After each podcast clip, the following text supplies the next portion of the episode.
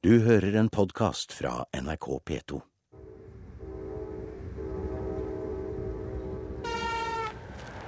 Hallo, Norge. Dette er stasjonen WRUL, Boston, Massachusetts, De forente stater. Som dere vet, har jeg sammen med mine barn tatt midlertidig opphold her i Amerika. I to tidligere programmer her i museum har vi fulgt i kronprinsesse Märthas fotspor på de stedene de kongelige krigsflyktningene bodde i USA under annen verdenskrig.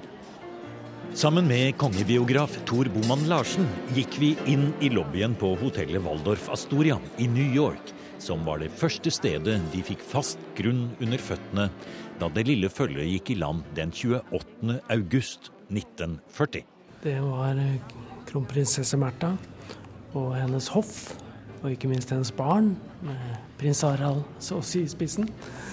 Eh, elleve eh, mennesker alt i alt, som da stiger i land, eller blir ført i land fra fra det store skipet som har brakt dem fra Petsamo og Finland. De har vært eh, ti dager Kronprinsesse Märtha ble med en gang kastet inn i et omfattende representasjonsarbeide, med pressekonferanser, taler og møter. Og må ene og alene stå for kongehuset på dette store kontinentet. Det er en serie av arrangementer som foregår her borte, med regjeringsmedlemmer, med representanter for det amerikanske styret, ikke minst presidenten, da. Og med, med, med norskamerikanere. Det er en mengde mennesker her borte som føler seg knyttet til Norge. Og alt dette For alt dette blir jo kronprinsessen en magnet. ikke sant? Det er hun som gir det glans, og for så vidt også konstitusjonell betydning i en viss grad, fordi hun representerer jo også kongen. Der hører vi toget tog i det fjerne, Tor. Det er toget fra New York som eh, kommer opp her. Samme fløyta er det. Sånn amerikansk togfløyte. Det kan være presidentens togvogn, og det kan være under annen verdenskrig. Og kanskje er da kronprinsesse Märtha og hele familien på vei hit opp, som vi sitter nå, til presidentens private sted, her han er født her han inviterte den kongelige kronprinsessefamilien opp. Ja, etter en eh, natt i, i, New York så drar de ut hit, hele det kongelige følget, med presidenten og hans familie, da, og etablerer seg så å si her i første omgang for, for I programmene om kronprinsesse Märtha under annen verdenskrig fikk vi høre om det nære forholdet både kronprins Olav og kronprinsessen fikk til president Roosevelt. Hvordan det norske følget nærmest ble tatt opp i Roosevelts egen familie, og ofte var på besøk i Det hvite hus. Og hvordan eiendommen Pooks Hill i Betesta utenfor Washington ble et fast tilholdssted. Your Royal Highness, if there is anyone who still wonders why this war is being fought, let him look i bind seks i kongebiografien forteller Boman Larsen om tiden like før avreisen, og hva som førte til at kronprinsesse Märtha tok med seg prins Harald og prinsessene og reiste til Amerika. Boken handler om fire dramatiske måneder i kongefamiliens historie. Perioden fra juni til september 1940. Det sentrale spørsmålet er hvordan skal kongefamilien forholde seg til den tyske okkupasjonsmakten? Svaret heter boken, og da er det kong Haakons nei det dreier seg om. Nei til å abdisere, og nei til å samarbeide med okkupantene hjemme i Norge og nei til at kronprinsessen skulle bli værende i Sverige. Allerede natten mellom den 9. og 10. april 1940 kom kronprinsessefølget dit. Märthas far var prins Carl, hertugen av Vestergötland, og de ble godt mottatt i den svenske kongefamilien, hvor de ble i fire måneder. Kronprinsesse Märthas flukt 9. Eh, april til Sverige, den er jo på en måte uproblematisk. Det er å redde livet og redde seg i sikkerhet. Eh, og det er en naturlig fluktrute hvor hun så å si reiser hjem til sine foreldre. Eh, og det skjer jo i veldig stor diskresjon, og første oppholdssted er jo hemmelig. Etter hvert blir det klart at hun bor der, men hun påtar seg jo ingen oppgaver i Sverige. Hun ville heller ikke stå frem f.eks. Med, med erklæringer eller, eller, noen ting. Det blir gjort forsøk på, på å involvere henne i, i pro, norsk propaganda, men, men hun ligger lavt. Det var naturlig nok lite kontakt mellom kronprins Olav og kronprinsesse Märtha pga. krigshandlingene og flukten fra Tromsø til London. Kronprins Olav hadde til natten før avreise fra Tromsø vært innstilt på å bli igjen i Norge. Og ikke minst før krigsutbruddet hadde både kronprinsessen og kronprinsen engasjert seg i hvordan man skulle forholde seg til Hitlers Tyskland når krigsfaren truet i 1939, sier Boman Larsen. Eh, og kronprins Olav forsøkte jo til og med på, et, på en fredsoffensiv og dette var de sammen om. Eh, de to, sammen med Eivind Berggrav, biskopen, Henrik Sørensen, maleren, og Johan H. Andresen, eh, høyrepolitikeren og, og, fabrikanten.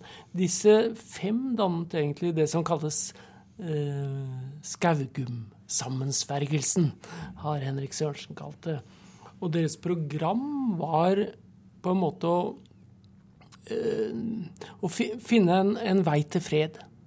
Hvor England og Tyskland kan eh, samarbeide, legge våpen ned. Eh, og, og, i den grad man skal se en fiende for seg, så er det Sovjetunionen. Og dette er tankegods i tiden, og det er noe eh, også kronprinsparet har, har vært sammen om. Så dette ligger på en måte som et bakteppe når 9. april kommer. Og så brytes jo kontakten mellom disse to. Det er en viss forbindelse i form av kurerer.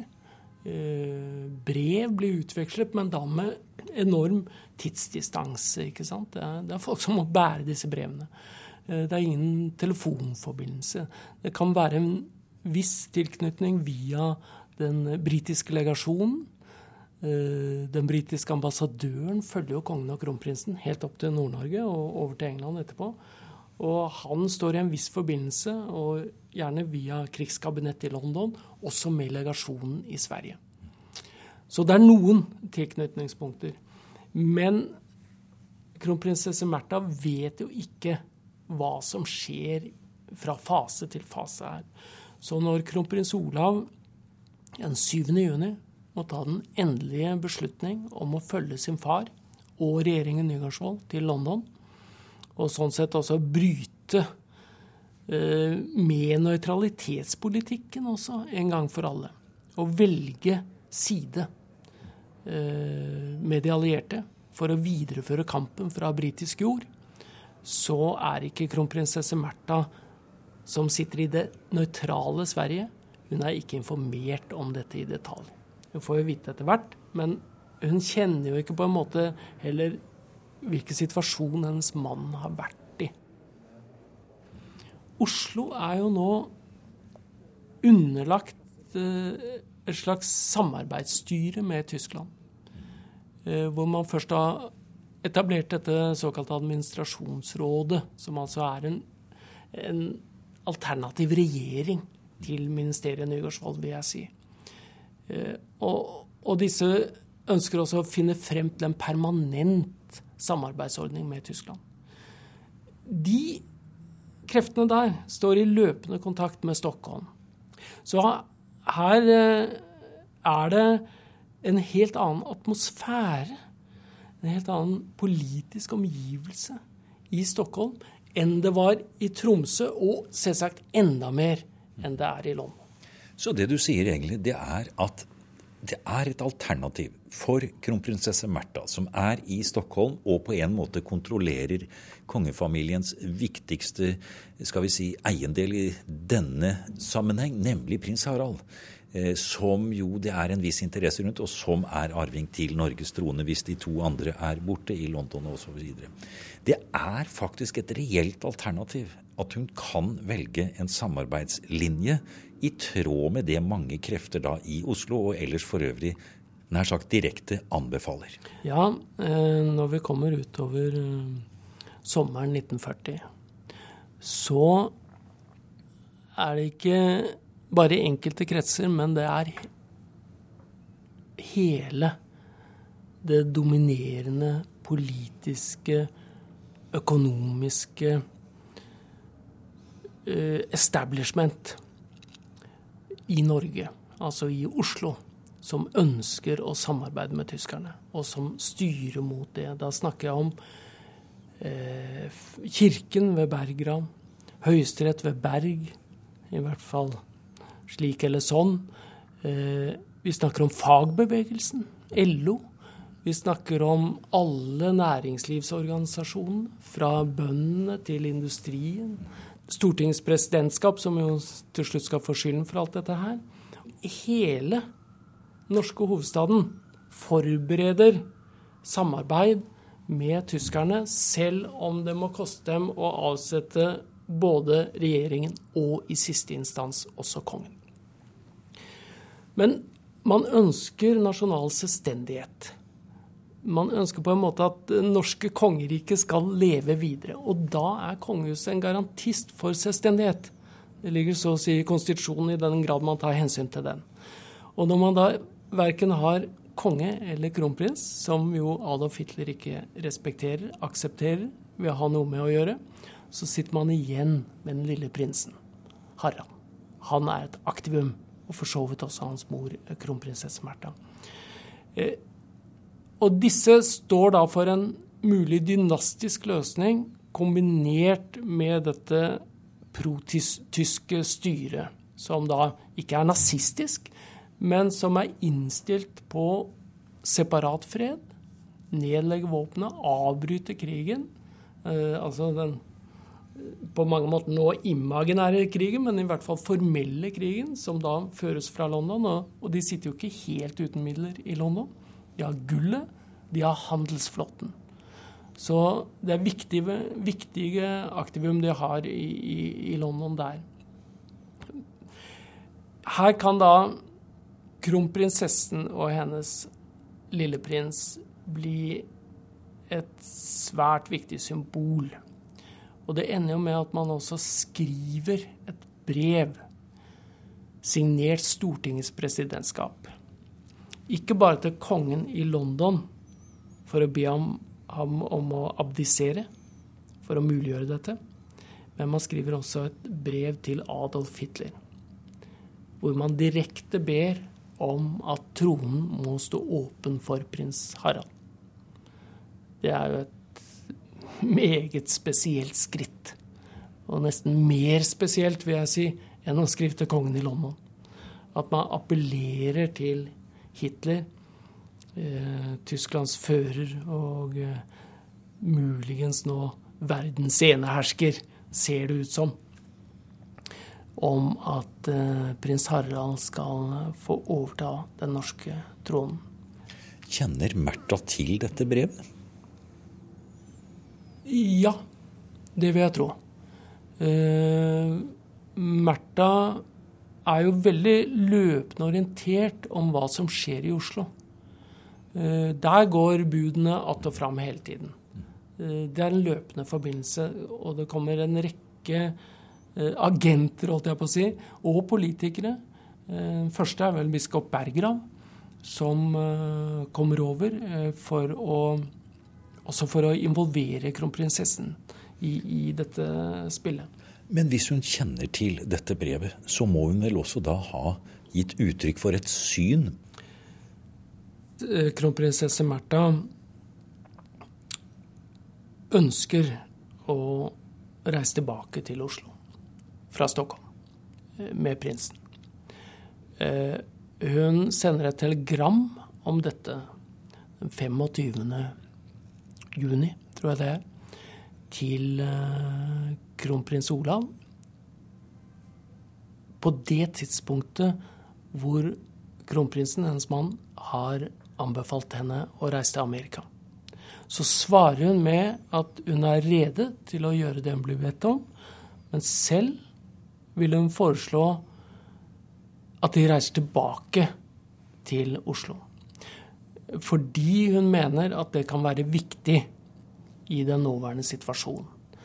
Og da er vi altså midt i forhandlingene med eh, Rikskommissariatet, altså Terboven i Oslo, om å etablere en ny norsk regjering, som da får navnet Riksrådet. ikke sant?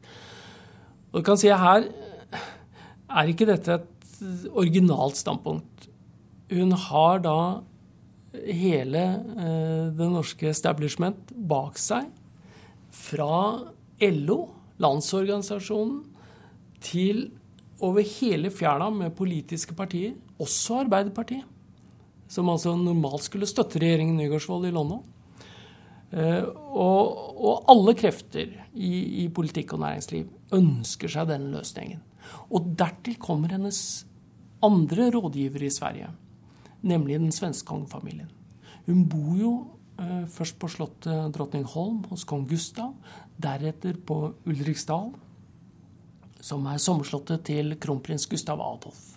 Og særlig Gustav Adolf, som jo er britisk gift eh, eh, for annen gang, og, for så vidt eh, ikke på noen måte tyskorientert.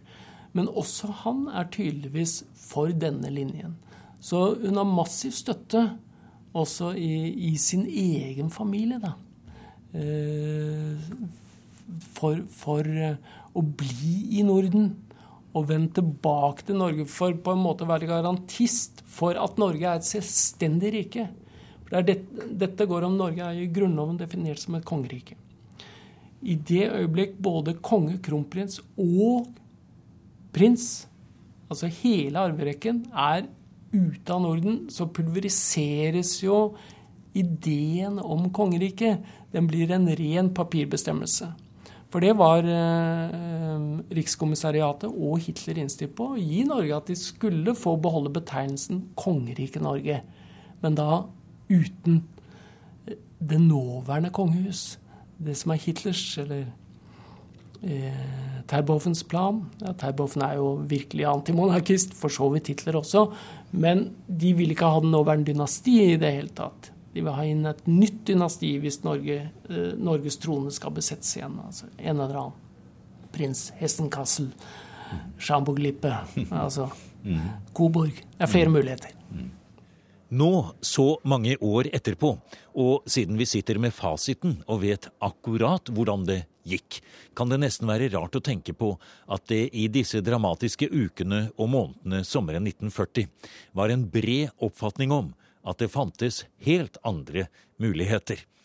Og det er vel nettopp det som er så spennende i kongebiograf Tor Boman Larsens fortelling, at vi får en dypere bakgrunn både for kongens nei og for de hendelsene som førte fram til den avgjørelsen. Ja, Hvis vi skal se på kronprins Olav, eh, som altså får dette telegrammet den 25. juni, hvor Märtha antyder ganske klart at det vil være bedre å reise tilbake til Oslo enn å flykte over til Amerika. Så forventer kanskje hun at kronprinsen vil være enig i det. Eh, det kan godt tenkes det er sannsynlig. Eh, hun antyder også et sted at kong Haakon vil aldri vende tilbake til Norge i den situasjonen. Men kronprins Olav vil kunne gjøre det for landets skyld. Altså eh, Han vil så å si kunne ofre seg. Men det som skjer i London når dette telegrammet kommer, er at det blir et fryktelig rabalder. Det er nå at eh, kong Haakon og eh, kron, kronprins Olav, de to, uten noe mer politisk støtte, de raser inn i Buckingham Palace, hvor de for så vidt allerede bor, eh, og tar eh, for seg kong George den sjette. Og sier at nå, nå, eh, nå er svenskekongen nærmest blitt rabiat. Så at hele ansvaret for dette utspillet legges på kongen av Sverige. De ser ham eh, bak dette utspillet og hele denne tenkningen. Vi, fordi nå har vi ikke noen gode kilder akkurat på kronprins Olav. Eh, og hva han måtte tenke i alle runder her. Men vi skal ikke glemme at idet konge og kronprins og regjering går i land i England den 10. juni, så er de i en helt ny atmosfære. De er så å si innenfor Churchills tryllekrets. Her er det en kampvilje som ikke fantes i Norge. ikke sant? Kanskje hist og her i, i troppene ved Bjørnefjell og kanskje Fleischer og, og, og en og annen. Men det, nå er de i imperiets hovedstad, og de har tenkt å vinne krigen. Og det er jo noe helt nytt. Og alle, i Norge i hvert fall, og også i Sverige, forventer at Adolf Hitler nå kommer til å bli verdens, eller i hvert fall Europas, enehersker. Men Churchill vil noe annet. Og britene vil noe annet. Så de opplever en ny motstandsvilje som selvsagt slår inn i dem også eh, mentalt og psykologisk. Så nå er kanskje ikke Olav på den linjen hvor kronprinsesse Märtha trodde han befant seg sist de snakket sammen. I hvert fall så får kronprinsessen, og da er det jo kronprinsen som svarer henne eh, sånn rent teknisk, eh, også i ord, at hun får klar beskjed om at nei, eh, vi tror ikke det er noe lurt å reise tilbake til Oslo. Du må reise til Amerika. Og for all del, det er kongens vilje. Og etter hvert så vet vi jo også at kong Haakon den syvende svarer meget skarpt offentlig også da til de som ønsker at han skal abdisere og la denne veien bli åpen. Ja, dette skjer jo noen uh, få dager senere. At uh, presidentskapet Og når vi sier presidentskapet, så er det nesten litt urettferdig, for det er et mye bredere miljø som står bak denne henvendelsen. Det er hele det politiske Norge uh, som er i Oslo da. Etter hvert kommer også Stortinget i hele sin bredde på bena her. Dette abdikasjonsforslaget går ikke til kongen i statsråd, så å si. Det går til Hans Majestet personlig. At jeg står her i London og taler til de norske lyttere, er et godt bevis for at man ikke skal tro på rykter. Av de opplysninger jeg har mottatt fra Norge siden jeg sist talte til lyttere hjemme, fremgår det at brevvekslingen mellom Stortingets presidentskap og meg i anledning av spørsmålet om min abdikasjon ikke er blitt offentliggjort i de norske aviser. Derved synes det hjemme Kong Haakons svar kommer i en radiotale fra BBC den 8. juli, som dessverre ikke finnes i noe arkiv. De ordene vi hører her, er fra kong Haakons tale måneden etter. Men i det skriftlige svaret til presidentskapet avviser kong Haakon hele grunnlaget for at Stortinget ber ham abdisere. Og nå er dette et spørsmål som langt overgår regjeringen. Nå handler det om kongen og selve Norges forfatning, sier Tor Boman Larsen. Regjeringen Nygaardsvold er det ingen som bryr seg om. De har mistet så mye prestisje på absolutt alle kanter, også i sitt eget parti. Så ingen tenker seg muligheten av å forsvare Nygaardsvold-ministeriet i, i Oslo i det hele tatt. Men alle ser at kongehuset, det er en hard nøtt. Så det er til ham personlig at henvendelsen går fra Oslo om å abdisere for å muliggjøre det nye tyskvennlige styret. Eller samarbeidsstyret, da. Men kongen han svarer konstitusjonelt på den måten at han involverer. Det er han som involverer regjeringen. Tar dem med på råd og sier eh, jeg er en konstitusjonell monark. Konstitusjonen er det som skal forsvares her. Ergo støtter jeg meg på mitt råd, som alltid skal stå ansvarlig. Og så kommer da det svaret som er konstitusjonelt begrunnet, og som ender med at kongen blir på sin post.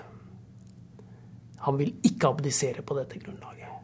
Og det er jo det store innspillet i norsk krigshistorie og mentalitetshistorie. Plutselig er det et fast punkt. En hard vegg. Og den veggen er så å si Grunnloven. For det som styrer kongens tanker her, det er jo hans ed til Norges konstitusjon. Og alt dette er jo lagt opp nærmest som et statskupp.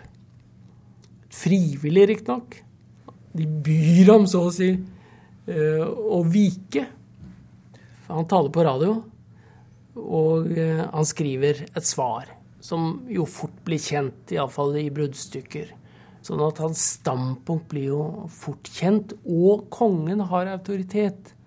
Regjeringen har dessverre forspilt sin autoritet eh, av politiske grunner, med hele nøytralitetspolitikken, med det manglende forsvar osv. Mens kongen står fortsatt sterkt.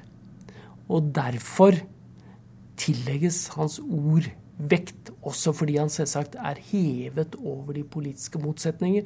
Han har bare ett grunnlag, og det er Grunnloven av 1814, som han har avlagt sin ed til. Du har nå hørt en podkast av programmet Museum fra NRK P2.